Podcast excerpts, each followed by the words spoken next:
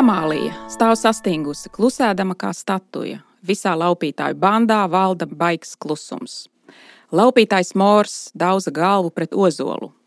To dvēseles, kuras es nobeidzu mīlestības skurbumā, to, kuras es nogalēju, iemigušas svētā miegā, to, ha, ha, ha, vai dzirdat pulvertorni sabrūkam pār dzemdētāju gultām, vai redzat liesmu apņemtos zīdaiņus šūpuļos? Tā ir kāzu lāpa, kāzu mūzika. O, viņš neko neaizmirst, viņš prot sasaistīt, tāpēc tālāk prom mīlestības svētlaimi. Tāpēc man mīlestība ir mokas, tā ir atmaksa. Amālija, tā ir tiesa, debesu valdnieka, tā ir taisnība. Ko es būtu darījusi, es nevainīgā dvēsele? Es viņu mīlēju. Laupītājs Mors. Tas nav vairs cilvēka spēkos. Esmu dzirdējis savu nāvi svelpjam no tūkstošu stobriem un nesmu ne soli atkāpies. Vai man tagad jāmācās drebēt kā sievišķim, drebēt iepratī sievišķim? Nē, sieviete nesatricinās manu vīrišķību. Asinis, asinis, tā ir vienīgi mirklīga sievietes ietekme. Man nepieciešamas asinis, tad viss pāries.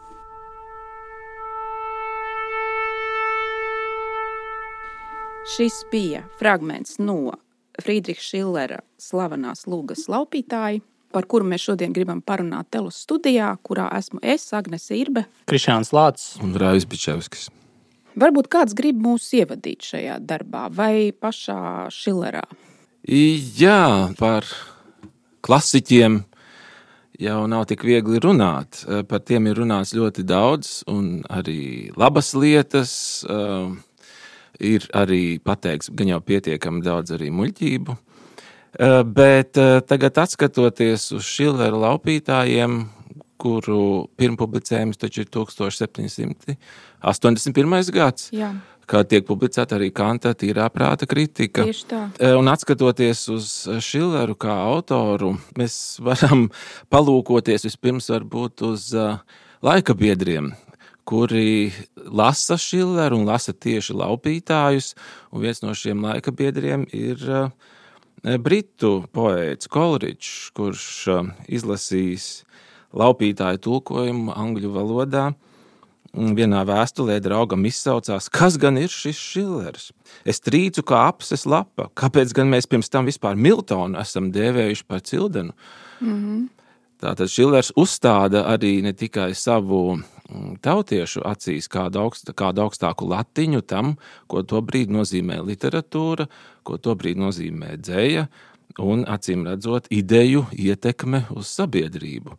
Jo Šilers noteikti ir bijis autors, kuram ir bijis svarīga tieši šī ietekme. E, viņš nav tas, kurš rakstīja savus tekstus un tos atstāja, nu, kā lai saka, e, sabiedrības labvēlībai vai naidam. Nē, viņš ļoti sīki sekoja tam, kā viņa darbi tiek uztvērti, mēģināja ietekmēt šo uztveri, rakstīja pats arī recenzijas par saviem darbiem. Anonīmas, jā, jā kritiskas. Jā, jā, arī ar domu, lai savu, nu, kā lai saka, savu darbu uh, ietekmi un lomu tā brīža sabiedrībā tomēr nostiprinātu un viņa prāta saskaņā ar viņa paša ja, izpratni, ja pareizi nostiprinātu. Un, e, nu, par Šileru e, es gribētu sākumā nocitēt viena ģermānista, proti, Ēriha Hellera vārdus, e, kurus viņš saka par tā laika autoriem, un proti, dīvaini, kā ar gētes klusināto aizrautību vai kleista radoši patoloģisko fantāziju, vai pat ar Helderlīna luminozo vai luminiscējošo tumsu mēs esam pazīstamāki un pat varbūt vairāk saraduši nekā ar Šillera šķietami neproblemātiski skaidri pateikto. Mm -hmm. Un es domāju, tur e, šajos vārdos ir vērts ieklausīties. E, jā, un tas ir, protams, arī visu klasiķu lāsts, ka šķiet viņi runā skaidri. Viņu idejas uzrunā sabiedrību, un tad vienā brīdī tomēr šķiet, ka šī skaidrība ir šīs skaidrības slēpjas arī pietiekami daudz tumsas, kurā mm, ielūkoties nemaz laikam nav tik vienkārši. jā, mēs varam palūkoties uz Šileru gan caur tā laika literatūras nu, tādām atslēgas problēmām, nu, piemēram, ģēnija un poēzijas likumu pretstats, vai palūkoties uz Šileru starp dabisko un ētisko momentu pretstatu cilvēkā, vai vēl kā citādi. Mm, bet tās visas noteikti būtu tikai atsevišķi, atsevišķas epizodes vai aspekti tajā, ko Šilers mums ir atstājis. Uh, un uh, atstājis arī šajā jaunības dramatiskajā darbā Laupītāju, ko viņš sākotnēji iecer kā dramatisku romānu, mm -hmm. bet kuru pēc tam pārstrādā mm, skatuvei. Pirms sižeta pārstāstā man, man šķiet zīmīgi tā tieši Raivi piebilda par to, ka Šilera laupītāji it kā. Nu, salīdzinot ar citiem lielajiem uzvārdiem, ir palikuši it kā otrajā plānā, ja skatās no mūsdienu perspektīvas. Jo, ja noliek divus uh, kolēģus, laika biedrus blakus, proti, Gēti un Šileru, Gētes Fausts nu, būs kļuvusi par liel, lielā mērā joprojām par, nu, teiktu, popkultūras daļu. Nu, kaut kādas tur klišejas vai frāzes vai domas nu, būs tur ievilinājušās bezmaz vai amerikāņu kino no Gates Fausta, bet Šilers ir palicis man šķiet otrajā plānā, lai gan tiešām, nu, kā arī Agnes man liekas stāstīs, un, un Raivs jau ir iezīmē, ka savā laikā šis teksts ir bezmaz vai nu, ietekmīgāks un līdz ar to tautai pieejamāks nekā Gates Fausts, vai ne? Es rezumētu to kaut kā citādāk, ja? Tātad mums būtu ļoti daudz kontekstu, ko atstāstīt. Ja? Bet ir jāuzsver, ka Šileram ir 21 gads, kad viņš saraksta šo darbu. Un tas ir svarīgi. Tā, kad viņi mēģina rezumēt, tad arī var redzēt, ka to, nu, to ir rakstījis jauns cilvēks, grūti to darbu rezumēt. Šilers tajā laikā kad viņš šo, šo sarakstīja, vispār nebija iecerējis kļūt par uh, dramaturgu vai rakstnieku. Ja? Viņu bija ielikuši vecāki, kas īstenībā nevarēja precēties, uh, pretoties, atvainojos, ja? Hercoga Karla, Karla Eižena no Virtembergas tam nu, aicinājumam ielikt šo puiku Karla Šūli ja? tajā militārajā skolā. Kur viņš izmācījās par ārstu, tad mēģināja vienu brīdi mācīties tieslietas, bet viņam tas īsti nepatika, jo viņa Viņa jaunības aicinājums bija mācīties teoloģiju, bet nu, tajā lūk, Hercogs skolā teoloģija nebija pieejama, tad viņu ielika tur. Viņam tur nepatika. Viņam likās, ka tur ir ļoti apspiedoša atmosfēra un ka vispār viņam tur liek rakstīt disertācijas par kaut kādām lietām, kas viņu neinteresē. Ja? Un tad šajā, šajā kontekstā viņš tā izmēģināja roku, uzrakstot tādu, nu, pa pusē lūgu, pa pusē kaut ko, ja? kas, ap citu, arī nu, tapus vairākus gadus, bet nu, pa gabaliem. Un pilnīgi apbrīnojamā veidā viņš nopublicēja viņu anonīmu šos eh, laupītājus. Ja? Un pilnīgi apbrīnojamā veidā to paņēma Manheimas teātris, kas neatrodas, kas atrodas drusciņā tālāk. Lika viņam tur drusciņi vienkāršot un, teiksim, tā piezemēt visas tās vardarbības ainas un visu to trakulības, kas tur notiek. Valodu. Ja? Un arī valodu. Ja? un e, uzvedu uz skatuves ar pilnīgi sensacionāliem, bet arī tādiem furoru veida panākumiem. Ja? Es viena laika biedra liecība par pirmizrādi, ja nolasīšu. Teātris līdzinājās trakonamam, izbolīts acis, savilktas dūres, rupji kliedzieni auditorijā. Sveši cilvēki šņukstēja un krita cits cita apskāvienos. Sievietes tuvu ģīpšanai streipuļoja uz durvīm. Tas bija haosam līdzīgs vispārējs sabrukums, no kura miglas izlauzās jauna radība. Šillers, kurš pats ar savu draugu Andreasu Streicheru apmeklēja pirmizrādi, lai gan viņam bija aizliegts to darīt, pievērsās šai izrādēji anonīmā kritikā, kurā viņš arī pārmeta autoram, tas ir pats sev vājumu. Ja? Tātad tās sekas uz Šilleru bija tādas. Viņu, uh, viņam uh, Hercogs lika atgriezties skolā, pārtraukt dzīvē, rakstīt jebko, izņemot par medicīnu.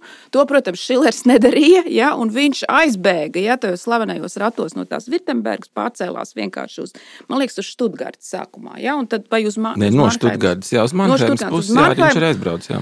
Ja, kur atkal tā, tajā, tajā feudālajā pasaulē tu nonāc kaut kādā citā vietā, kur tur tevi pieņem darbā teātrī, ja, un tā sāk veidoties tā karjera. Ja, un, uh, un, un darbs visas viņa dzīves laikā tika spēlēts, kā tu jau minēji, tulkots uz dažādām valodām, ar vienīgo tādu trūkumu Šileram, ka nu, nebija tā, tolaik sakārtotas visas tās autora atlīdzību lietas, ja, un tāpēc viņam tā dzīve arī bija, lai gan viņš bija ļoti slavens, ja, viņš nevarēja iekasēt nu, kaut kā tos, tos ienākumus ienākums par šo darbu. Ja? Un, un visu dzīvi diezgan ar visiem saviem četriem bērniem diezgan stipri mocījās visām tām naudas lietām. Ja? Tas tāds īsi ievads. Protams, var vēl pirms mēs, kā lai saka, palūkojamies uz uh, tām idejām, nu, nedaudz arī saturu un idejām.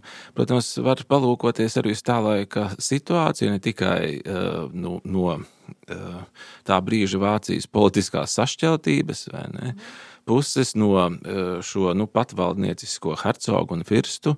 Vai ne, valdīšanas puses, vai ne, jo, nu, piemēram, Šilers jau saka, uh, E, par laupītājiem e, nu, šādus vārdus. Ja, manai otai nebija lemts vilkt vidēju līniju starp eņģeļiem un vēlniem, tā radīja briesmoņus, kuri par laimi pasaulē nav sastopami.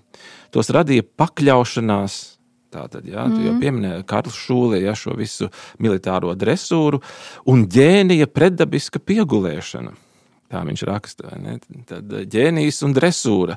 Un šie apstākļi izlauzās ja laupītājos, kā literārā tekstā, artikulācijā, mm, kura tomēr, eh, nu, kā lai saka, atstāja tīri tādu privātu pāridarījumu izjūtas vai, ne, vai privāti tādu nu, nospiestības un, un vēlmes izlausties ja, no šīs um, skolas dresūras, ja robežas un kļūst par uh, vienkārši, nu, jāsaka, vienā vārdā, dramatīgu, dramatisku, ekscesīvu, ja, tādu lielu kaislību, ja, strāvošanu ja, šajā, šīs lugas uh, tekstā. Uh, un, nu, var jau būt, ka ir jāpiemina arī nedaudz, uh, nu, kā lai saka, lugas tapšanas konteksts tādā ziņā, uh, ka, mm, ja tobrīd ir um, precedenti, kam arī ir sava loma šīs lugas tapšanā, nu, proti, Friedricha Daniela Šubarta lieta, tā saucamā, kurš bija nu, ne, tā brīža radošs literāts, varētu teikt, žurnālists. Uh, un kurš uh, nu, krīt Virtembergas hercoga. Jā, slavenā, jā, jā, slavenā hercoga jā, nežēlastībā.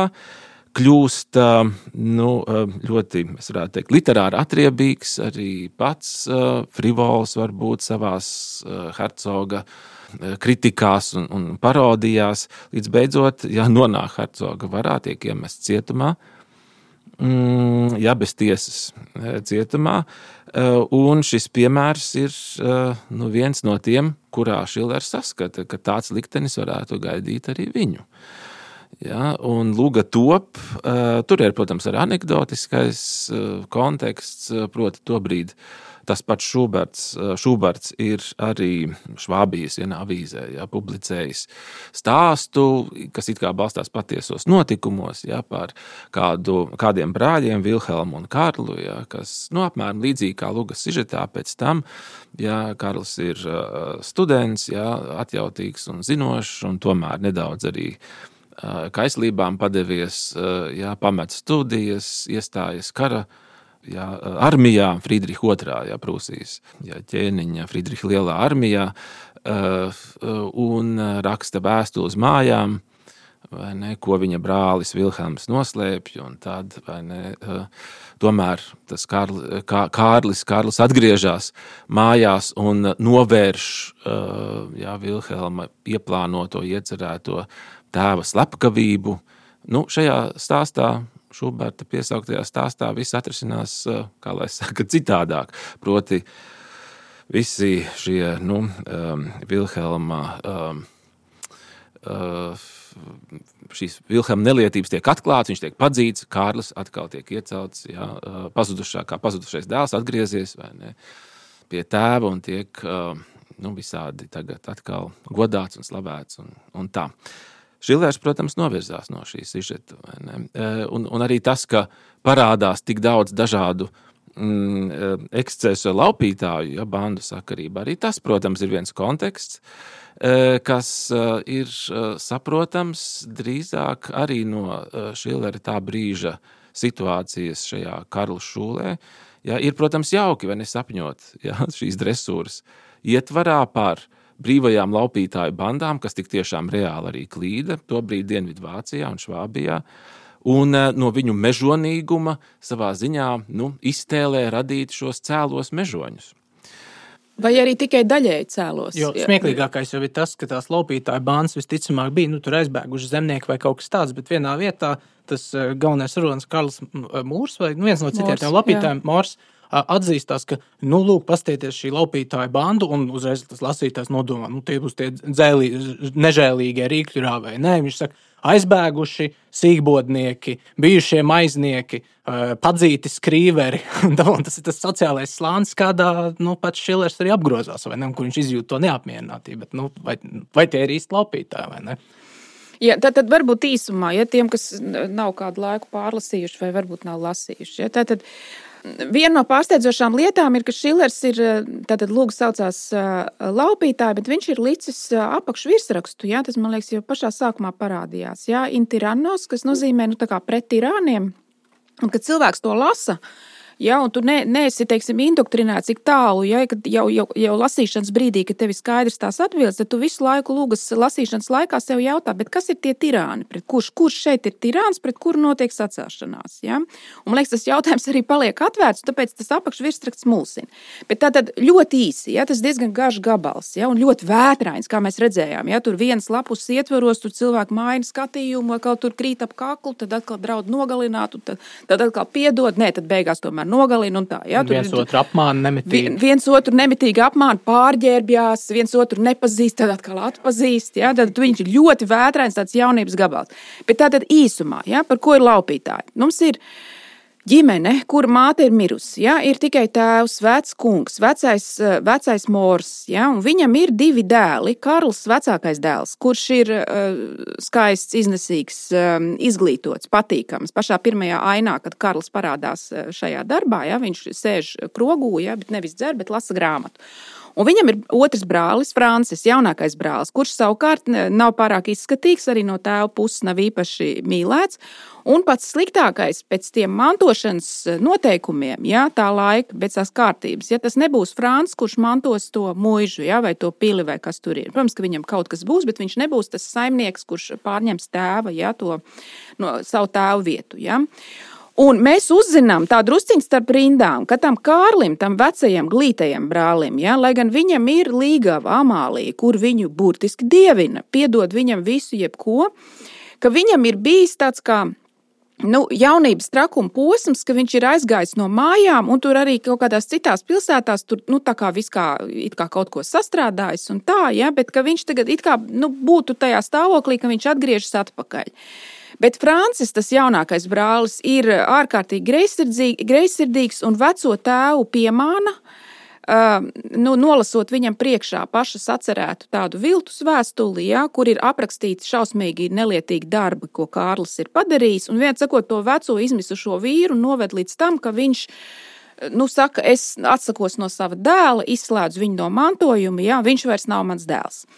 Un, un, tad, tad tas, un, un to visu ir saorganizējis tas greizsirdīgais brālis. Ja? Tāds ir tas sākums. Un Kārls atrodas, Kārls atrodas tajā brīdī eh, kaut kur Bohēmijā, ne, ar, ar kaut kādā krogū. Ar Saksijas kaut kādu, krogū. Saksijas krogū, jā, paldies. Uh, Un tieši saņem šo vēstuli tajā brīdī, kad viņš ir gatavs atgriezties mājās pie tēva un saprot, ka viņam nav atgriešanās. Un tur tās, tā, tā situācija izkārtojas tāda, ka tur ir apkārt vēl vesels bars ar tādiem nu, pa pusē pazudušiem, ja, sevi meklējošiem jauniem vīriešiem un izveidojas laupītāju banda. Ja kura, kurā sākumā nemaz nav domāts, ka Kārlis ņems to virsvadību, bet tā kā viņam īsti nav kur palikt, viņš sakot, kļūst par uh, laupītāju bandas vadoni. Viņu faktiski ieceļ par vadoni. Viņi ieceļ, Atzīst, viņš jā. ir gudrākais. Viņš ir gudri, gudrākais, jā. Un, un tātad tas darbs ir interesants ar to, ka nav tik viennozīmīgs tas pretmets starp nu, teiksim, to, to, to aristokrātisko, ja, to brāli un tēvu, ja, kas ir nu, nu, teiksim, balstās tajos melos un apmelojumos. Un, un, un tajās nelietībās, ja, un tajās viltotajās vēsturēs, un vēstulēs, un tad no otras puses tā laupītāja banda, kuri būtu savu veidu tādi Robini Hudi. Nē, tā nav. Ja. Tad mēs ļoti skaidri redzam, ka arī pašam nu, jau laupītājam Kārlim ir, nu, ir pretīgi tas, ko, ko viņi dara. Te ir grāmatā ir pilnīgi briesmīgs ainas par to, kā uzvedās šie laupītāji. Tie nav sirdsčīstie par taisnību cīnītāji. Nē, viņi izvaro, viņi dedzina, viņi laupa. e, ir tāda diezgan briesmīga aina, kurā, lai atbrīvotu vienu uh, sagūstītu laupītāju, kurš tiek vests pie karātavām, kādā pilsētā tas, šis laupītāju bars nu, izskrien no meža un aizdedzina visu pilsētu, kur iet bojā gandrīz simts cilvēki. Un pat viens no tiem laupītājiem tajā barā lielās, ka viņš ir tātad tur skrējis garām degošai mājai, redzējis, ka uz grīdas ir zīdainis, blakus jau viss ir aizdedzies un iemetis to zīdainu ugunī, ja, lai viņš nebūtu augstumā. Ja. Nu, apmēram, apmēram tā. Tā ir diezgan vardarbīgs darbs, ja, kurš pilnīgi neidealizē to laupītāju pasauli un to viņu dzīvi. Un, uh, tad, tad, man jāpārlec ja, pa vidu kaut kādas, kaut kādas vairākas daļas, jo nevar tik sarežģīt to visu, kas notiek, izstāstīt. Ja? Bet, principā, tas viss beidzās ļoti bēdīgi. Ja? Kārlis kaut kādā brīdī grib atgriezties. Kaut kādā brīdī viņš uzzina, ka viņu brālis ir apmelojis. Tad viņš vēl arī uzzina, ka Amālija turpina būt viņam uzticīga, lai gan šai Amālijai uzmācās tas Francis, ja, kurš gribētu dabūt arī meiteni. Ja, un pat īstenībā mēģina viņu izvarot, un pat ir pat tādas ainas. Ja. Un eh, tad mēs uzzinām, ka Francim arī ir sirdsapziņas pārmetumi. Pats Francis uh, izdara pašnāvību, ja arī baidoties no tā, ka laupītāji toņi atnāks un tagad ir uzzinājuši patiesību, nodedzinās visu pili, pils arī tiek aizdedzināta. Pati pēdējā aina ir mežā. Tur uh, mirst tēvs, kuru, kuru jaunākais brālis bija ieslodzījis. Tēvs mirst ar salauztu sirdi, viņš ir pazaudējis abus dēlus, pie tam jaunākais dēls viņu ir mocījis, un vecākais dēls patiešām un pa īstam ir kļuvis par laupītāju. Ja? Un, un pat, pat, tas, tas, tas pats fināls ir arī tāds pārsteidzošs. Ja? Jo mēs iepriekš, mm, mēs iepriekš uzzinājām, ka Kārlis deva saviem laupītājiem zvērestu viņus nekad nepamest un vienmēr būt viņu vadonis. Nu, vienā tādā trakuma brīdī. Un pašā beigās, kad viņam ir iespēja atkal savā, savienoties ar Amāliju, un tā kā atstāt aiz muguras šo laupīšanu, briesmu darbu dzīvi, ja, laupītāji, tas pārējais bars, viņiem, viņam atgādina to viņa solījumu. Un viņš gandrīz tā kā goda jūtu vadīt, saprot, ka viņš ar to Amāliju nevar savienoties. Turklāt tie laupītāji uzskata, ka Amālija, kas traucē ja, šai vīru lietai, ir jānogalina. Un Kārlis, ja, nu, tā vietā, lai teiksim, aizstāvētu šo absolūti nevainīgo, brīnišķīgo meiteni, ja, pats viņu nogalina, lai tas nebūtu tiem laupītājiem jādara. Ja. Un uh, tad beigās viņam vairs nav kā, kur doties, un viņš ir arī savu visu to, to, nu, visu to šausmu pārņēmis. Tā, tā. Faktiski tas, tas darbs beidzās ar to, ka uh, Kārlis sevi nodod uh, nu, uh, likuma rokās. Ja? Viņš uh, zina, ka par viņa galvu, kā par badītā, bad, uh, bandītu, tās, tās, tās grupas vadītāja galvu ir izsludināta milzīga prēmija. Viņš nodod sevi kaut kāda nabadzīga zemnieka rokās, zinot, ka tas zemnieks viņu nodos tām tiesību sargājošām instancēm, jā, tad viņš saņems to lielo atalgojumu un tādā veidā tam, tam zemniekam būs palīdzēt. Tā tas arī beidzās. Vai jūs gribat par saturu kaut ko piemetināt?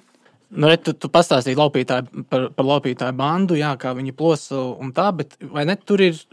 Kāpēc šī luga arī, piemēram, Latvijā iegūst tik lielu popularitāti? Ne? Jā. Ne tikai Latvijā, arī, protams, Vācijā, bet nu, es lasot, visu laiku domāju par latviešiem. Kāpēc latviešiem patīk šī luga? Un tā nu, laupītāja banda jau arī nav vienprātīga. Viņai ir divi virzieni faktiski viena pārstāv. Nu, tie, tie paši racionalizācijas, sevis skaidrojumi vai pašattaisnošanas virzieni. Viens ir uh, nu, šis kārļa virziens, kārļa mora virziens, uh, nu, kur viņš arī vairākās vietās saka, nu, ka viņš nelaupa vienkārši laupīšanas pēc, viņš laupa, nu, mūsdienās to sauktu vienkārši modernu sociālā taisnīguma vārdā. Viņš tur vienkārši ubagus nesit, viņš drīzāk uzbruk bagātajiem, pārdala pēc tam. Uh, tur korumpētam advokātam uzbruk un tam līdzīgi. Un, tad, protams, ir tas otrs virziens, Špīlens, Spiegelbergs, jā, kurš nu, drīzāk pārstāv nu, vardarbību, vardarbības pēc, vai vardarbību kaut kādas slavas pēc, vai nu, jā, radikāli uh, viss esot pastāvošās kārtības nojaukšana, bet nevis kaut kādas taisnīgākas sabiedrības sasniegšanai, bet vienkārši, nu, jo viņam patīk. Jā, viņam patīk postīt, patīk nogalināt, patīk mest dzīdaņus ugunī. Jā, vienkārši patīk. Jā, bet, nu, beigās mm. šie abi virzieni, nu, tā ambivalence ir tāda, nu, ka jā, ka laupītāji ir laupītāji un likums ir likums. Jā, nu, bet ja mēs paskatāmies uz šo nu, lugu uh, un uh, atceramies nedaudz, ko mēģinājām teikt sākumā, vai ne par Šileru, kā, kā klasiķis, kura gaismas gan jau ir arī kaut kādi tumši uh, novadi. šķiet uh, neparasti īstenībā šo lūgu lasot, un to jau ir atzīmējuši ne, arī lasītāji pirms, uh, pirms tam, mm, jau arī 19. gadsimtā, bet 20. gadsimta arī lasījumos. Šķiet neizskaidrojami, kāpēc tomēr uz um, nu, tādu pāridarījumu, ja, nu, proti, ka ne, tagad uh, Kārlis saprot, ka ka viņa brālis ir ne, viņu piekrāpis, ja, ka tēva reakcija uh, ir netaisna. Kāpēc viņš kļūst par tik? Uh, nu, kāpēc viņa uh, reakcija uz to ja, pārvēršas tik milzīgā, varētu teikt, visu drīzāk pasauli postošā Jā. darbībā? Ja, un, un no otras puses, ja, Francis, ja, brālis, kas visu laiku uh, prāto ja, it kā šķietam tādā augstā ja, refleksijā par pasaules nīcīgumu, ja, nu, mēs viņā varam nolasīt tādu nu, ideālu nihilistu, ja, Ciniķi. kurš, mhm. ciniķi, ja, kurš tur runā par to, ka viss ir cēlies no dubļiem, ja, kuros arī dzīvi cilvēki vada, ja, un kuros arī paši viņi pārvērtīsies un reiz būs pielipuši kā dubļu pikucis pie mazbērna zābaka. Un viņa, un tur ja tie lasītāji saka, jā, bet tā pāreja no šiem prātuļojumiem. Mm -hmm filozofiskajiem, jā, apgaismības un, laika jā, jā, iesprādumiem. Pie, jā, mm. pie nu, reālas darbības, ka proti Francis kļūst par tādu atpakaļ vai ne pretēji vērstu ārstu, jā, kas pie tēva izmēģina uh, nu, šīs savas, kā lai saka, mākslas, proti kā ietekmējot prātu, varēs sagraut miesu vai ietekmējot miesu sagraut prātu, ka, uh, nu, ka tas ir drausmīgi pārspīlēt. Arī tas šī pāreja no teorijas pie prakses, Franča gadījumā un pāreja no šī aizvainojuma Kārļa gadījumā pie tādas totālas, ja, postošas darbības. Un tur tad arī ir tas, es domāju, tie tumšie novadi. Ja. Protams, tādā ziņā, ka te ir runa nevis par nu, vienkārši epizodi, ja tur Dienvidvācijas bandu dzīvē vai epizodi Šillera paša jaunības dzīvē, bet ir runa te par uh, pasaules skaidrojumiem, pasaules redzējumiem, uh, Eh, te ir runa par brīdi, kurā, ja tas ir trūkstošais posms, kas šajā lugā netiek pateikts, ja, ir drīzāk tā, tad, nu, mēs teiktu šodien, jā, pasaules kārtības un jēgas jautājums. Ja. Eh, viens no viņiem, proti, Francis, ja, jau sākumā ir pieņēmis, ja, ka nekādas jau jēgas īsti nav, un uh, arī nekādas kārtības nav. Kārlis tiek iegrūsts šajā nihilistiskajā atziņā, uh, Ja, un viņa reakcija ir nevis reakcija uz tēva, nu, te, vai ne reakcija uz viņa vai ne, uh, nu, uh, viltoto vēstuli, bet reakcija uz uh, pēkšņu tādu atklāsmi, ka varbūt tajā pasaulē tiešām tās jēgas un kārtības nav. Ja izrādījies, ja, ka to visu tā tēva mīlestība un brāļa, varbūt arī iespējamā mīlestība tajā nav ja, ka viss ir citādāk. Ja, ka tas, ko viņš iedomājies, kā pasaules lielo kārtību un, un, un, un, un, un to mīlestības caurstrāvotu un solidaritātes caurstrāvoto dzīvi, ka tas viss varbūt ir milzīga ilūzija. Un tagad viņš ir nonācis pie šī jā, sliekšņa.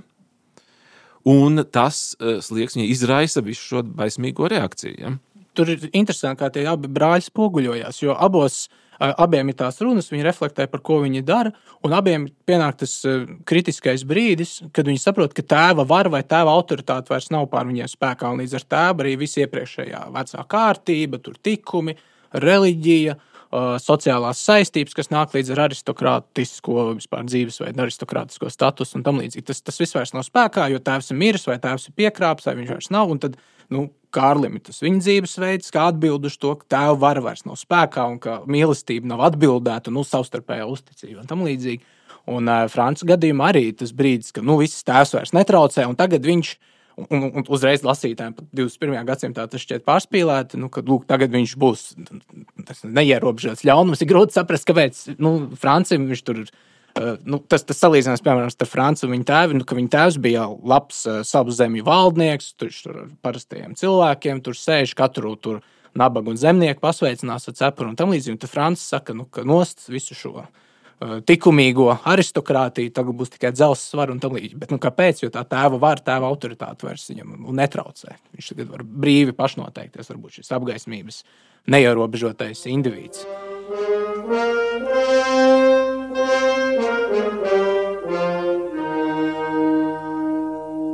es jau to iesāku par to runāt, un tagad turpināšu. Ja? Tad Šilers ielika lūgāju apakšvirsrakstu pret tirāniem. Bet kas ir tirāns šeit? Vai šī vispār ir? Tā kā mums, tā, kad es pirmoreiz lasīju šo darbu, man liekas, vidusskolā, jo tas bija nu, programmās, un man liekas, ka tur tas ievads tāds viņš vienmēr ir bijis. Nu, tā tad šī tā ja, apspiedošā feudālā sistēma, un lūk, šeit apga, apgaismības jaunie, ārkārtīgi talantīgie cilvēki, ja, Šilers kā viens no viņiem, viņi tagad nāk ar to protestu, tagad runā par taisnīgumu, patiesību, ja, atbrīvošanos no šīm važām, ja, un tāda cilvēka prāta pacelšanos prāta. Ja, tas ir viss tas apgaismības stāsts. Te mēs tagad pārlasām tajā lugā, viņi to to, vispār to nu, šādu lasījumu turpat ir grūti saskatīt. Ja? Pirmkārt, tā nav lūga par sacelšanos, tātad kaut kādas zemākas kārtas sacel, sacelšanos pret augstāku, ja, kur viņu apspiestu. Ja? Tas ir ģimenes iekšējais konflikts kurš pastāvētu jebkādā apstākļos, jebkādā eh, nu, valstiskā sistēmā, jebkādā un pastāvētu arī šodien. Ja? Tāpēc arī viņu ir tik nu, patīkami par to domāt, jo mēs pilnīgi to atpazīstam. Ja? Kad ir divi dēli, viens tēvam ir tā kā mīļāks. Ja? Protams, ka tēvs ir kaut kādā ziņā netaisnīgs pret to dēlu, kurš ir nu, mazāk mīļš. Ja? Kaut kādā ziņā nav tik nu, talantīgs, izdevies, tik skaists. Ja? Bet tāpat laikā no tā, nu, no tā taču neizriet arī viss tā ārprātīgā, ja? viss šīs slepkavošanas kāra, visas tās sistēmas apvēršana. Ja? Turklāt, eh, nu, kurš tad beigās ir tas tirāns? Ja? Beigās šķiet, ka īstie tie tirāni ir laupītāju banda, kas terorizē nu, ne tikai mierīgos iedzīvotājus, turklāt zemākā slāņa iedzīvotājus, nodedzinot pilsētu, ja? sagraujot ēkas, ja? izlaupot veikalus. Bet tiranizē arī nu, tos nevainīgos cilvēkus, tādus kā Amālija, ja? kuri vienkārši ir mīloši, uzticīgi meiteni un kur pilnīgi nu, stāv, mēģina stāvēt malā no visas šīs ārprātīgās drāmas ja? starp brāļiem ja? un šo laupītāju bandu Bohēmijas mežos. Jā, kas ir tirāns? Kas jā, ir nu, tirāns? kas ir tirāns? Nu, skaidrs, ja mēs palūkojamies uz Šileru, kā, nu, kā parasti tomēr arī šodien uz viņu raugās, vai ne? Skaidrs, ka varbūt vairs ne no, no um, nu, padomju laika, jā. jā, arī ideoloģijas skatu punkta. Uh, jā, bet viņš tomēr ir, uh, lai ko mēs ieliktu šajā vārdā, ideālists, Un tādā ziņā viņš uzlūko vēsturi un arī ģimenes drāmu kā ideju. Ne drāmu, eh, un eh, tirāns varbūt šī gadījumā ir idejas. Mm -hmm. kuras pārņem pat nevis kā nu, tādas reflektētas, izstrādātas, bet kuras pārņem tuvojoties šim nihilismu slieksnim, ko iemieso abu brāļu ja, šie likteņi. Un tik tiešām nu, tā vien šķiet, ka vienā punktā lugā viņi abi nonāk kaut kur ļoti tuvu. Ja? Tas Jā. ir nevis vai ne ka nu, cēlājs tas Kārlis jau savā šaubās, un, un tā, un tas ne Francis jau tāpat no sākuma ir teikt, ļauns. Bet vienā brīdī viņu pārdomas un galu galā varētu teikt, tomēr arī izmisums parādās viņos abos. Viņi nonāk pie šī nihilisma sliekšņa, uz kuras stāvot, tik tiešām parādās. Ja, un, ne, ja tu pieminēji to, ka lūk, tās ir apgaismības idejas, ja, kas parādās šajā lugā un prāta, prāts, ja, tur jau nav prāta. Tur tur ir absolūti kaislības, tur ir drausmīgas kaislības, izvirdumi. Jā, jā. Bet tas viss ceļās no šī nihilisma sliekšņa. Jā, un tad var atgādināt Nīčes vārdus. Ne, kurš, protams, arī kā viss 19. gadsimts, un pēc tam, protams, arī 20. lasīs Šilleru. Viņam gan Šillers, jā, vis, vismaz vēlīnējos, uz, vēlīnējos piezīmēs nav. Viņa slavēts autors, bet, ja, kad viņš raksta par nihilismu, tad viņa Šeit Šilers ļoti labi tēlu veidā, gribētu teikt, pastāsta mums to, ko Nīča pēc tam stāstīs aforismos vai savos jā, šajos aprautajos, šajās aprautajās domās. E, un um, man šķiet, ka ir ļoti svarīgi uz šī fona pajautāt, ar ko īsti lūga beidzās. Tas ir, kas ir tas, kā saka, rezumē, jā, kas ir Šillera tāds, nu, um, tā, tas tāda beigu ekspozīcija jā, uz šī fona. Varbūt jums šajā sakarā arī kāda. Nu, man liekas, tā ir tā beidzās. Ar ko Lūga beidzās? Ar, Lūga beidzās to, tur ir vēl iepriekš tāda epizode, ka Kārlis domā par to vienkārši varbūt pašam izdarīt pašnāvību. Nu, tad ir pilnīgi visi beigti. Tēvs, abi brāļi, Amālija, ja, un vēl kaut kādi tie tuvākie līdzgaitnieki, nu visi miruši, ja, nu tad arī beidzam, ja, Lūgu. Ja, nekā nav, un pils nodedzināta turklāt. Bet viņš izlēma pret to, ja, kā, ka viņam ir jādzīvo. Nu, viņš sevi nodod tiesas rokās, zinot, paredzot, ka notiks kas, tā kā viņš ir uh, nu, briesmīgs laupītāju bandas vadītājs, viņam piespriedīs nāves sodu, viņu pakārs. Nu, tā, tā tas beigsies. Kā, kāds, kāds vēl tur varētu būt risinājums? Jā, es nezināju, ka 21 gads vai ne Šilleram, bet nu, man šķiet, Jā. nu, tajā brīdī, kad viņš šo publicē, bet uh, nu, mēs nevaram noliekt, ka viņš tomēr mēģina studēt teoloģiju. Beigas ir, es teiktu, ļoti reliģisks. Darbs vispār ļoti reliģisks. Tur tas asins acis pret aci. e, Piedošanas meklējumi, kaut kāda izlīguma meklējumi, glābiņš, kas nav iespējams pašu cilvēku starpā, bet kuram jānāk no ārpuses, bet no ārpuses viņš nenāk. Kaut kāda nezināma vara, kura virza šos likteņus, ko piesauc visi Amālija, eh, Fran, eh, Kārlis piesauc, Francis to noliedz, Amālija piesauc un tam līdzīgi. Tas, tas reliģiskais moments ir, un beigās, nu, varētu, varbūt, eh, nu, jā, ir, ir šie- Reliģiskais moments. reliģiskais moments, piemēram, beigās atsakoties no šīs nu, tur personīgās tirānijas kaislībā, bet nododot sev vienkārši nu, likuma rokās. Nu, pat, ja, pat ja šis likums jā, ir Pats būtu korumpēts. un tam līdzīgi, tas ir līdzīgi kā Sokrāta gadījumā. Jā. Labāk paklausīt likumam, uh, nu, jo atzīstot augstāku autoritāti. Bet, un vienlaikus tā augstākā autoritāte ir gan Pat šī ne augstāk, pilsoniskā vara, vienkārši bet- jebkādu citu. Ja? Jo šī ģimene ar, ar laupītajiem sapītā ģimene vienkārši ar to savu jūtu mus, muskuli netiek galā, un tu vienkārši nodod sevi kādu citu rokās. Tu tā kā izēj ārā no tā. Jā, viņi paši Savu- mēģina atrisināt, viņam nekas nesanāk. Jā. Raivi. Jā, bet eh, nu, ne, tur varbūt var padomāt vēl tā noslēguma. Nu, šķiet, ja šī, jā, kā tu saki, ja šo neatrisinātā. Neatrisinām murskuļi, kas izvēršas tātad, ja no, tomēr es gribētu teikt, no ģimenes attiecībām, Jā. izvērš par pasaules drāmu, ja par jautājumu par pasaules vispār, ja pastāvēšanu, kārtību un jēgu. Ja tur noslēdzošajās jau pasāžās Kārlis jau tomēr tā kā no tās viņa pasaules, jā, kā sodošas un, vai apbalvojošas, arī kā, atsakās. Jā. Nav tā, ka viņš tagad iesaka, nu tad es nododu sevi nezinu, dieva rokās. Eh, Ja tur ir epizode, kur viņš saka, nu, bet galu galā tad es kā lai saka, padošos visai šai, šim murskulim. Ja? Eh, Es vienkārši nu, zaudēšu tādā nozīmē, ka eh, nu, tad, lai visas šīs šausmas, kas tagad ir radītas un kas ir attīstījušās, ja, gājušas gandrīz beigās jau savu ceļu, eh, tad es zaudēju tam visam. Ja? Un tad viņš saka, ja, nē, ja, Eh, es to nedarīju, tad es to nedarīšu. Ja? Un tur ir man šķiet tāds kantisks īstenībā moments, ja? eh, kas Šillers, protams, viņam ir sarežģītas attiecības ar Kanta filozofiju. Mm, Viņš vienmēr uz to atsaucās, un tajā pat brīdī vienmēr kaut ko grib piebilst vēl klāt. Vai ne tas moments, ka lai kā būtu ar, nu, jā, tas no kāda perspektīvas, lai kā būtu ar uh, viņa sauli, e, tagad viņš tam muskulim tomēr līdz galam padoties negrib. Ja? Nav. Nu, tā ir tā kanta Tu gribi teikt, ka antiskā pozīcija tā, ka neskatoties uz uh, nu, viņa pasauli vai kaut ko nu, kāds tādu, jau ir jāuzņemās atbildība šajā pasaulē. Jo tomēr beigās ir tāds mēģinājums uzņemties atbildību Jā, jā, jā. visu sastrādāto. jā, jā. Vai ne? Nu, tas ir kanta autonomijas princips. Ja, tātad, viņš jau nepretendē izzināt ja, viņa saules noslēpumus, Kants, vai ne? Un tajā pat laikā viņš grib pamatot ja, šo uh, uh, domājošā cilvēka autonomiju, ja kaut kur tomēr balstīt to. Un tagad Mors ja, atklāja sevī šo autonomiju, ja, kur, ka viņš var tomēr pateikt visam šim uh, drausmīgajam muskulim, viņš tagad ir nogalināt, tur vēl varbūt kādus nogalināt klāt, bet tādā beigās drīzāk uh, teikt, eh, es varu tam visam pateikt. Ne? Un tad viņš nodod sevi tiesas uh, vai ne, rokās. Jā. Es laikam pirmo reizi to lūgu lasīju, kad man bija kaut kādi 11 gadi, ja viņi bija tajās skolas programmās. Ja? Un, um, un tagad, beidz- beidzot, pār, nu, vēl, vēlreiz pārlasot, man ir grūti izskaidrot, kāpēc, bet es joprojām saprotu, kāpēc šī lūga, ja, kur vēlreiz atgādināsim, rakstījis 21 gadu vecs jauns vīrietis, ja, neapmierināts savā militārajā akadēmijā, ja, un īsti neapmierināts ar dzīves izvēlēto ceļu. Ja ir faktiski visos laikos uzrunājusi visu veidu revolucionārus. Un es teiktu, kaut kādā mērā droši vien uzrunā arī šodien. Ja? Un tad ir jautājums, kā. Ja?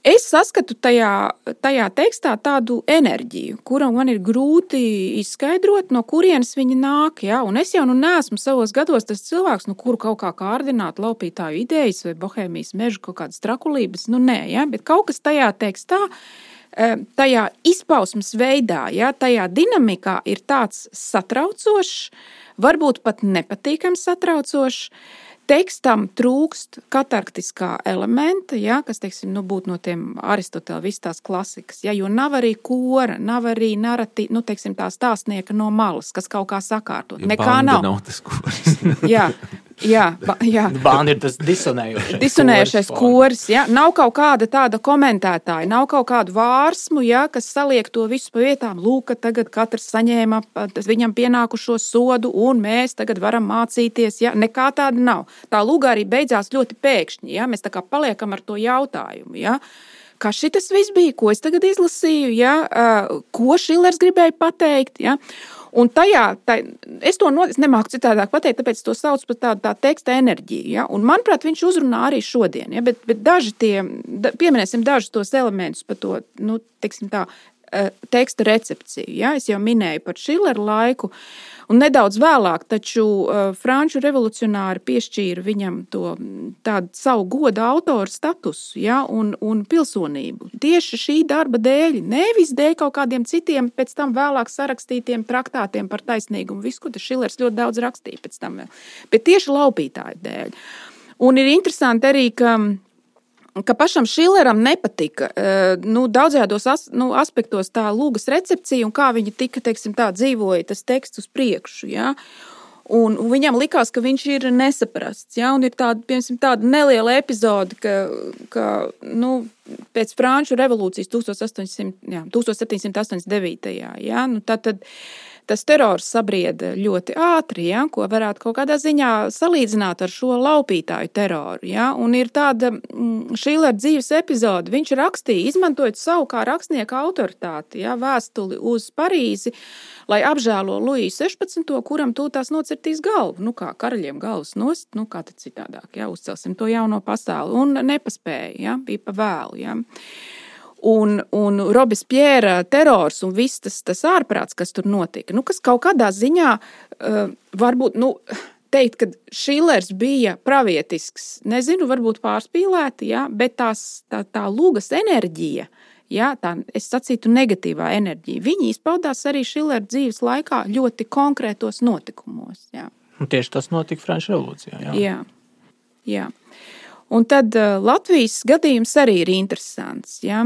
Mm, nu, mūsu klausītāji droši vien jau zina, ja, jo šis jautājums jau arī mūsu, mūsu nu, kultūras eh, izdevumos ir apskatīts. Ja, ka tieši Šilera laupītāji esot pirmā teātra luga, kas uzvesta Latvijā. Ja, tad, tad tā, 1817. un 18. gadā ja, viņu šo tekstu no vācu valodas pirmo reizi sāka tulkot Dikļu mūžas kalps Jānis Peitāns.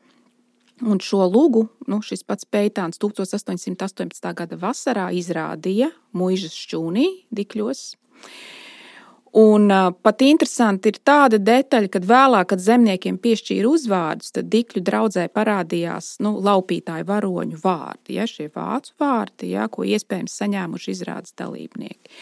Un pēc šīs, šī pirmā uzveduma Dikļu mūžā, ja, es uzsveru, ja, ka kalps tulkoja, kalps uzved, tad, tad šos cilvēkus ļoti uzrunāja šis Šilera darbs.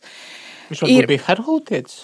Pētāms. Nezinu, pagaidiet, par, par to pēc tam, ja, bet es nolasīšu to, kas man ir sagatavots. Ja. Ir, man ir, ir garš, garš saraksts ar to, kā, kā Šilera laupītāji Latvijā ir spēlēti. Tas ir pilnīgi apbrīnojami, kā viņi ir 19. un 20. gadsimta sākumā, cik bieži viņi ir spēlēti. Ja. Tātad 1868. gadā Liepājā ir pārstāsts, ja? tātad saīsinājums. Ja? 9, 1890. gadā jauns izdevums, 1871. gadā ir skolotāja drēmeņa tulkojums. Ja? Tad 85. gadā tiek spēlēts Jēlgavā, kur tomēr cenzūra aizliedz šo darbu, ja? līdzīgi kā Šilera dzīves laikā. Ja? 1894. gadā Rīgas Latviešu teātrī pirmizrāde, tur ir Ziemciešu Marijas tulkojums. 19 1901. gadā jauns uzdevums, 1906. gadā atjaunotais uzvedums, ja tas ir gadu pēc 1905. gada jā, tā apvērsuma. Tad Jēlgavā, tad vairākos teātros vienlaicīgi, gan Liepājā, gan Rīgā. 1910. gadā Rīgas Latviešu teātrī Kārli spēlē pats Smilģis.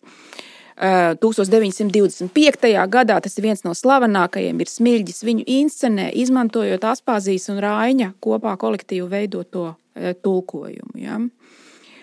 un tā tālāk, un tā joprojām. Ja? Mūsdienās varbūt mazāk, bet tieši šai izrādē, tieši šai, nevis Donam Karlosam, nevis kādam citam Šillera darbam, ir bijusi, nu, viņi ir uzrunājusi latviešu uh, lasītājus, klausītājus zemniekus. Nu, man tieši ir viens nu. citāts, kas, kas uzrunās latviešu lasītāju. Un, Jā. un tad, nu, Kāpēc? te, te, jautāt, un, un, un, un, un tu teici, tu turbūt apšautos to ierasto politisko lasījumu, bet es tomēr arī nu, ar, ar tiem tu, turpmākajiem fragmentiem gribētu iezīmēt tādu kā sociālo, iespējamo sociālo šīs lūgas lasījumu, kas ir drīzāk nevis tur debata, nezinu, mazie pret lielajiem cilvēkiem vai apspiestie pret apspiedējiem, bet drīzāk tāda, nu, šī, šī lūga kā tāda diskusija iekš valdošās kārtas. Valdošās kārtai jābūt kādam, jābūt tiešām aristokrātam, jo tāda izciltības ideja tur tomēr ir uh, visi tie pienākumi, kas nāk līdzi ar uh, sociālo statusu, ar aristokrātu. Ar, uh, gal galā man šķiet, uh, arī šis uh, Kārļa tēvs, Kārļa tēvs, uh, Mors, vecais Mors, arī tiek attēlots diezgan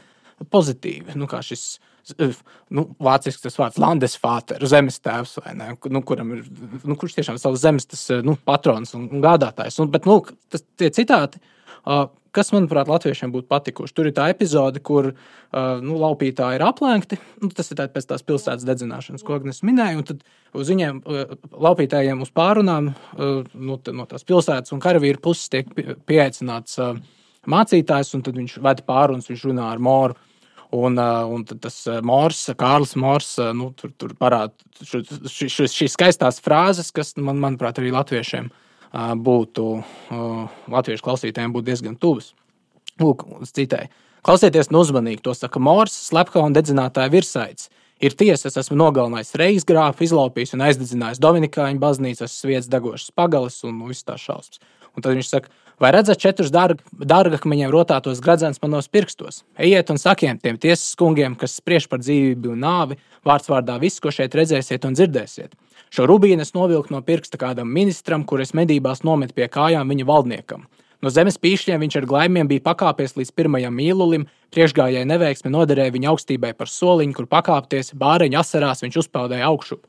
Šo citu briljantu es novilku kādam finanses padomniekam, kurš pārdeva godu amats un posteņus tiem, kas solīja vairāk, un deguna priekšā aizcirta durvis saviem skumstošajiem patriotiem. Šo ahātu es valkāju par godu tāds pašs sugas mācītājiem, kāds esat jūs. To es nožņaucu pats savām rokām, pēc tam, kad viņš no atklātas kancels vainoja, ka inkvizīcija vairs nesot uzdevuma augstumos.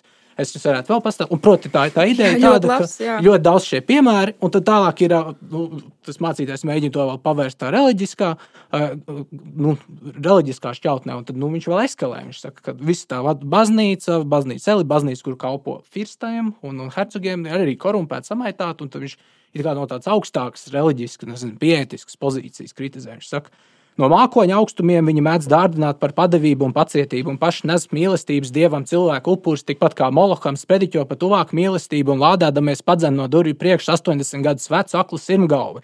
Nosoda skopulību un zelta dēļ iznīcina Peru iedzīvotājus un iejūtas pagāns kā darba lops savu ratu priekšā. Viņi lauza galvas, kā daba varēs radīt jūdas, bet vēl ne tuvu, ne ļaunākais no viņu vidus nodot trīsvienīgo dievu par desmit sidraba grašiem un tālāk viņš nosūta pāri farizējs, naudas viltotājs, dievības pētiķis, nu, kur mērķos pakaļ. Un, protams, tas viss ir, šis moments kristīgais ir, un tas varbūt ir interesants Šiller un arī, teiksim, Kanta tekstos, ka nav, kā, teiksim, franču apgaismībā tāds, nu, tāds radikāls kristietības noliegums, ateistis. Ir, ir kristietība, bet tā ir nu, no šīs kaut kādas augstākas kaut kādas morālās pozīcijas. Un tālāk viņš, eh, kur arī nu, jā, tā tiešā nepastarpinātā kristietība, kur, piemēram, uzreiz nākamajā paragrāfā viņš nosoda, vispār nav, nevajag starpnieks. Un tāpēc viņi ir laupītāji, viņi ņēmuši likumu savā rokā. Viņš saka, to, ko es esmu darījis, es neapšaubām kādreiz izlasīšu debesu parādu grāmatā, bet ar debesu nožēlojumiem vietniekiem zemes virsū es nevēlos vairs šķiest vārdus. Saka viņiem, mans amats ir atmaksa, atriebība ir mans arots. Un tagad šito klausās, nu, šķiet skaidrs, nu, ka, nu, kāpēc nabaga latviešu zemniekiem šis teksts ir 19. gadsimtā un padomju laikā. Un, viņi, jā, un, un tur ir, ja, kad tu tā vēl nolasi priekšā, um, nu, ir vēl tādi vēl mūsdienās ļoti dzīvie un tādi ražīgie tropi. Ja? Tad, tad lugā parādās divi mācītāji. Tas nav viens un tas pats, tie divi dažādi cilvēki. Abi tiek saukti nicināti par melnsvačiem, nu, no tiem apkārt stāvošiem. Ja? Latviešiem abi iemīļots. Latviešiem ļoti iemīļots vārds arī šodien. Ja? Melns vārds atnāca kaut kādas savas tukšās gudrības, pats būdams liekulis. Viņam jau sejā redzams, ka viņš ir liekulis. Ja? Ir tā, tā viss tā, tā niknā, jā, sparīgā, jā, organizētās, jebkādas organizētas reliģijas kritika, jā, kas jau pēc definīcijas, ja, ja teiksim, reliģija sāk organizēties, ja visi būs liekuļi samaitāti, ja izņemot mēs paši, vai ne? Nu, mēs tā kā nesam, jā, lai gan mēs esam tie laupītāji, jā, šajā lugā, jā, jā rāja. Jā, nu, tur, protams, var paskatīties Latvijas visai konkrētus vēsturiskus likteņus vai ne par reliģisku ideju dzīvi vai ne 19. gadsimta gaitā par jā, piesauktiem arī hanhūtiešiem, par radikālu reliģisku ideju arī klātbūtni viņu vidū. Nu, es atceros, kā vēsturnieki mūsēji jau ir bieži uzsvēruši to, ka eh, nu jā, nu kuri tad cilvēki īsti nāk, ja tie, kas vēlāk ir sarkanie strēlnieki, no kādas vides, tie no hanhūtiešu, varbūt dzimtām pat, jā. Eh, un šis nu, jā, radikālu reliģisku ideju, un var jau būt arī tas moments, jā, ko mēs konstatējām Šillers un uh, Karls Šūle, jā, un šī, šī mm, militārā dresūra, ja tur. Un, eh, ja tā izlaušanās no turienes, ja nepazīstot, kā Šilers pats saka, jā, es tur biju ieslodzīts, nepazīstot plašo pasauli, uh, nemaz nezinot, kas ir pasaulē. Ja? Bet tas milzīgais izlaušanās moments ja, radīja šos monstrus, ja, kas ir laupītāju tēli. E, un, e, jā, tajā brīdī var jau būt tās radikālās reliģiskās idejas un izlaušanās, ja, tāda 19. gadsimta sociāla jau, ja, sociāla politiska izlaušanās, ja, emancipācija. Ja. Eh, kaut kur slēdz kaut kādu, jā, atkal tādos tumšās sfērās, vairās neredzamās, vairās līgumu. Un, un rada eh, jā, to, tās paudzes, kas īstenībā jau atkal palūkojoties no tāda socioekonomisko uh, procesu skatu punktu. Ja tobrīd Latvijas teritorijā tā ir, tā ir sabiedrība, kas pārdzīvo citu pēc cita tādas radikālas modernizācijas viļņus, vai ne? Tur industrija, e, idejas, ja sociālistu idejas, kas ienāk, viss tas kādā milzīgā ātrumā. Ja, e, citiem vārdiem, es gribētu varbūt vismaz tur trīs momentus nosaukt. Ja, šo e, radikāli steidzīgo modernizāciju, kas notiek Latvijas teritorijā, jā, varbūt šā tās jā, radikālās reliģiskās idejas, bet eh, kuras pārtop 19. gadsimta gaitā par sociālpolitiskiem saukļiem. Eh, bet es ātri varbūt pieminu vēl vienu lietu, ko es gribēju lūk šajā jautājumā, kas īsti eh, ir šajā lugā, kas tik daudzus nu, aicina to lasīt un izjust, jā, tās pašas, kā tu teici, ambivalentās īstenībā trīsas, ja, šo lūgu lasot. E, tur ir moments, kas šķiet mūs aizved uh, atpakaļ pie Šillera kā autora, ja, pašizpratnes, uh, nu, vēlāk uh, sarakstē ar Gēti, ja, 1801. gadā viņš rakstīs, kas ir viņa radīšanas, ja, kredo. Ja, tā tad varētu teikt, Šillera ticības apliecība. Un viņš to raksturo šādiem vārdiem: Tumšā, visspēcīgākā totāla ideja, neapzinātais, tad bevustloze, ja, dzēniekā ir pirmais, un tehnika nāk pēc tam. Šis neapzinātais ir jāizsaka, tas jāpārnes objektā. Viņš saka, ja tehnika, likumi, regulas, veids, kā uzbūvēt lūgu vai tekstu, ir tikai tas īstenībā tikai grauj sākotnējo neapzināto, kas padara ģēniju par ģēniju. Ja, šo ģēniju milzīgo enerģiju, ja, kas ielikt lugā, e, tas ir, ko viņš gribētu panākt. Ja, un tajā pat laikā šie teksti atrauti no lūk, ģeniālās, sākotnējās, kā viņš saka, totāli idejas, tie kļūst pilnīgi par nu, pašu. Uh, sevi reproducējošiem, varētu teikt, tekstiem, ja, ko labi var piemērot pie bungu rīpoņas, pie fanfāru skaņām, un uh, mierīgi var iedomāties, ka ar to palīdzību mēs varam soļot pa ielu ierindā.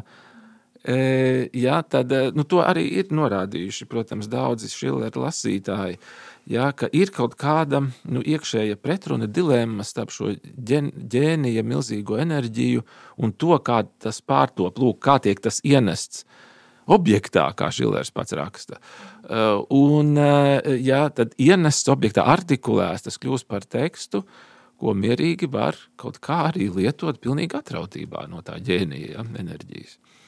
Bet, nu, lūk, un es šodienas kontekstā, tīpaši nu, ņemot vērā Latvijas politiskos notikumus, tā es tiešām šo tekstu e, drīzāk izlasīju kā, kā jā, diskusiju par to, kādai ir jābūt valdošai elitei. Nu, labi, teksts nav diskusija, tas ir tāds versijas un, un, un piedāvājums, bet e, nu, nevis, teiksim, vispār sabiedrības hierarhijas norādī, noraidīšana vai baznīcas nezinu, nojaukšana, kā 5. gadā tur baznīcas dedzināšanas aicinājumi. Es, es, es galīgi to tekstu neizlasīju tā. Es tiešām to domāju, ka uh, viens aristokrāts, uh, nu, Šillers vai nu, Šillers caur Karlu Moru, uh, nu, diskutē, pārdomā to, kādiem ir tiešām jābūt, kādiem pienāktos būt uh, nu, šiem aristokrātiem, lai viņi nekļūtu par tirāniem.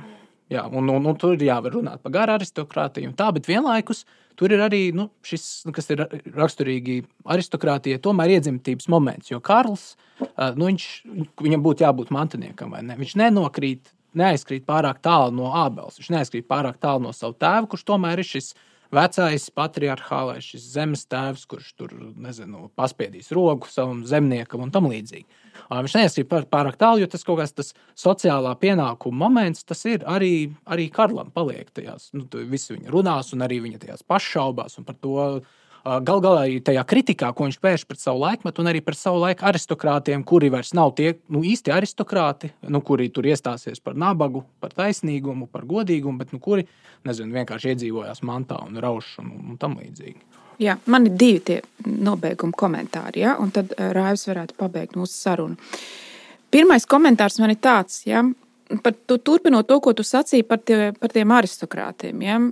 Pats Friedrichs Šilers nāk no, nu, kas viņa bija tēvs, ārsts, ja? ārsts, vēlāk dārznieks pie hercoga. Viņš nāk no nearistokrātiskas ģimenes. Un tātad Viņš dzīvo tajā laikā, kad viņš nāk no nearistokrātiskas ģimenes, bet šis vietē, vietējais Virtembergas hercogs, jā, redzot šajā, lūk, šajā vienkāršajā puisī talantu, piedāvā viņam nākt uz šo skolu. Un mēs redzam, ar visu to kritiku, ko mēs varam izteikt par, par hercogu Kārlu Eižanu, ja, Mēs redzam, cik fantastisks izglītības līmenis ir puisim, ja, kurš ir ja, 21 gadu vecumā. Viņš var sarakstīt šādu tekstu, kur ir Cēzara brūta citāti, kur, ir, kur jau Krišjāns nolasīja priekšā. Ja. Uh, visas atsauces. Ja, viņ, viņš, zin, jā, viņš, viņš zināja četras valodas, ja, viņš tulkoja no sengrieķu, no uh, franču, no angļu. Viņš pat atzīvoja Šekspīru. Ja, tad, tad, tur, tad, tad visā tajā, it kā tajā nevienlīdzīgajā, tajā sliktajā laikā, ja, teiksim, šim puikam viss bija iedots. Tas ir pirmais mans punkts par to aristokrātiju. Ja. Un otrs ir tas, ka Tad, kad mēs nu, padomu laikos augām, ja, un mums deva to lasīt, Tad tā tēze, nu, kas visur starojas cauri, bija, nu, kad, jā, nu, ka tā feudālā sistēma bija šausmīga. Ja? Es runāju tagad pilnīgi personīgi ja? par to, to savu šodienas skatījumu. Ja? Tā feudālā sistēma bija šausmīga, jo tur, nu, kā tad tā, tur bija vieni bija hercogi, un tad otri nebija hercogi, un tie bija padoti un strādāja kā dzimcilvēks tajās zemēs. Ja? Jā, un tam visam var piekrist. Ja? No otras puses, mēs redzam, tajā Šilerā, nu, Šilers bija pilnīgi brīvs cilvēks. Ja? Viņam tur negāja labi pie viena hercoga, viņš pārbrauca citur, ja? vēlāk nonāca Vaimārā. Ja? Mēs redzam to. Tā pasaules saskaldītība, ja, tā, tā viss tās vācu vidas saskaldītība deva cilvēkiem iespēju pārvietoties. Ja. Uh, un Ja, un tad, kad mēs augām, tad nu, šo neapvienoto Vāciju kritizēja no visiem skatu punktiem, cik šausmīgi slikti mīļa Vācija. Ja? Pagaidiet, trešo raihu. Ja? Nu, teiksim, kas, vēl, kas pēc tam nāca? Jums šķiet, ka brīvības trūka tajā laikā. Ja? Pagaidiet tikai. Ja? Ja, Vartadoh. Nu, tā, tas ir man tāds mūsdienu pārdoms par to. Ja? Kur te ir tas brīvības trūkums, kur te ir tā apspiedošā, kur te ir tā tirānu vara? Jā, nu par to tirānu varu mēs laikam esam visi vienojušies kā vienu centrālo lūgas punktu. Ja? Un jautājums, kas galu galā Tā ir. Nu, mēs jau varētu palūkoties šo lūgu arī kā vienkārši ideju drāmu. Jā, jā arī turpinot to krišāņu motīvu. Jā, un vienlaikus kā ideju drāma un kā tādas modernitātes, jā, iekšējo ambivalenci, jā, vai ambivalences liecību. Nu, jā, aristokrātija, kas vēl turās pie teikt, tādiem tradicionāliem, veciem jā, zemes patriarchāliem, pa, patriarchāliem jā. Jā, nu, likumiem. likumiem. Bet laiks ir mainījies. Tas ir. Tagad to varētu teikt, tās aristokrātijas uzdevums jau nav tikai turēties pie šiem likumiem, bet būt arī, kā lai saka, ideju sardzē, ja? vai vismaz būt advancētiem šo ideju, eh, kā, nu, varētu, teiksim, Ridigers Safranskis, ka viņš raksta grāmatu par Šileru, viņš saka, jā, eh, Šilers ir cilvēks, tā laika jauns cilvēks, kurš saprot aristokrātijas eh, šī brīža laika izaicinājumus, kurai kuriem varbūt tā nemaz nav spējīga līdzi īsti iet. Ja? ja tad, kad viņš saka, ja tie ir idejas, nav tikai spēki, kuri formē idejas, ir dižas spēles elementi. Tās noteiktā laikā un vietā jāmaina, jāizmaina, jāizgudro no jauna, varbūt jāizceļ. Ja? Un tas ir jaunais modernitātes uzdevums. Ja? Iesaistīties arī ideju lūk, lielajā dižajā spēlē, ja? kā Safrānskis izsakās. Un ideju veidošanas brīvība vai ideju veidošanas, ja, šis darbs, kas ātri var arī novest pie drūmiem iznākumiem. Ja. Ir nu, saka, tas no tā, tā augstais skatu punkts, ja, ko Šilers redz, ka varbūt ir kādam citam jāieņem ideju. Šī cīņas lauka, ja, vai spēles ja, lauka, nu, jā, to bīdītāju, un pārdomātāju un ideju lūk, no jauna izgudrotāju. Vai ne šī cīņa Un, nu, tādā ziņā laupītāji, kā ideju drāma, ir tik moderns darbs, kā gandrīz jāsaka, Šilera jaunībā radītais teksts, kas ir līdz ar visu modernitātes likteni joprojām aktuāls. Jā, nu, tad galīgi noslēdzot no manas puses, teiktu, ka nu, šis darbs ir. O, viņu var mierīgi lasīt arī konservatīvie. Skaidrs. Konservatīvie, jo Uh, nu, nereti arī pieksim, Jordanam Petersonam pārmet uh, nu, kā tādam mūsu laiku, varbūt pop uh, konservatīviem domātājiem. Nu, ka, nu, jā, ka viņš, viņš aicina tur sakārtot pašam savu istabu, un, lai tad ķertos pie pasaules sakārtošanas, un šo darbu varētu kaut kādā mērā izteikt ar šo pašu maksimu, nu, kas ir īstenībā platoniska maksima, nu, pievērst uzmanību. Uh, tām tirāniskajām ziņām, kuras plosa pašu dvēseles stāvokli, un nu, kas arī ietekmē veselu sociālo iekārtu, aristokrātijas, laupītāju, advokātu, mazo cilvēku un vispār sociālo statusu. Bet nu, nevis vienkārši tāpēc, ka tāds ir sociālais status, bet tāpēc, ka katru vada, katru nosaka viņa dvēseles ziņas. Un jautājums ir, nu, vai šo tirāniju var izdarīt vai tai var arī dvēseles dziļumos kaut ko likt pretī, apvaldīt, savaldīt un pakārtot kādam augstākam mērķim, augstākam ideālam. Var arī tā varbūt rezumēt, ja? nu, to, to Šilera domu, kas šajā brīdī vēl nav izkristalizējusies, bet viņi izkristalizēsies vēlāk Šilera dzīves laikā. Ja? Nu, vajadzētu reformēt institūcijas, nu, viennozīmīgi paskatāmies un redzam, šajās institūcijās ir kaut kādas netaisnības. Ja? Sākot ar to, ka nu, kāpēc tikai vecākajam dēlam paliek tā mūža, ja? un nevis tam, nu, piemēram, ja? vai kaut kas tamlīdzīgs. Bet, uh, Pirms mēs ķeramies pie institūciju reformēšanas, vajadzētu reformēt pašu cilvēku. Un, ja, teiksim, ja tas nav izdarīts, nu, tad to, to institūciju apvēršana ja, izraisa šādu anarchistisku hausu, ja, bohēmijas mežos, ja, un asiņu šķīšanu uz visām pusēm. Nu, apmēram tā. Jā, jā. Jā. Šī bija telos aplāde par Friedriča Šillera slaveno darbu Laupītāju, un studijā bija Agnese Irbe, Krišāns Lācis un Raivis Bičevskis.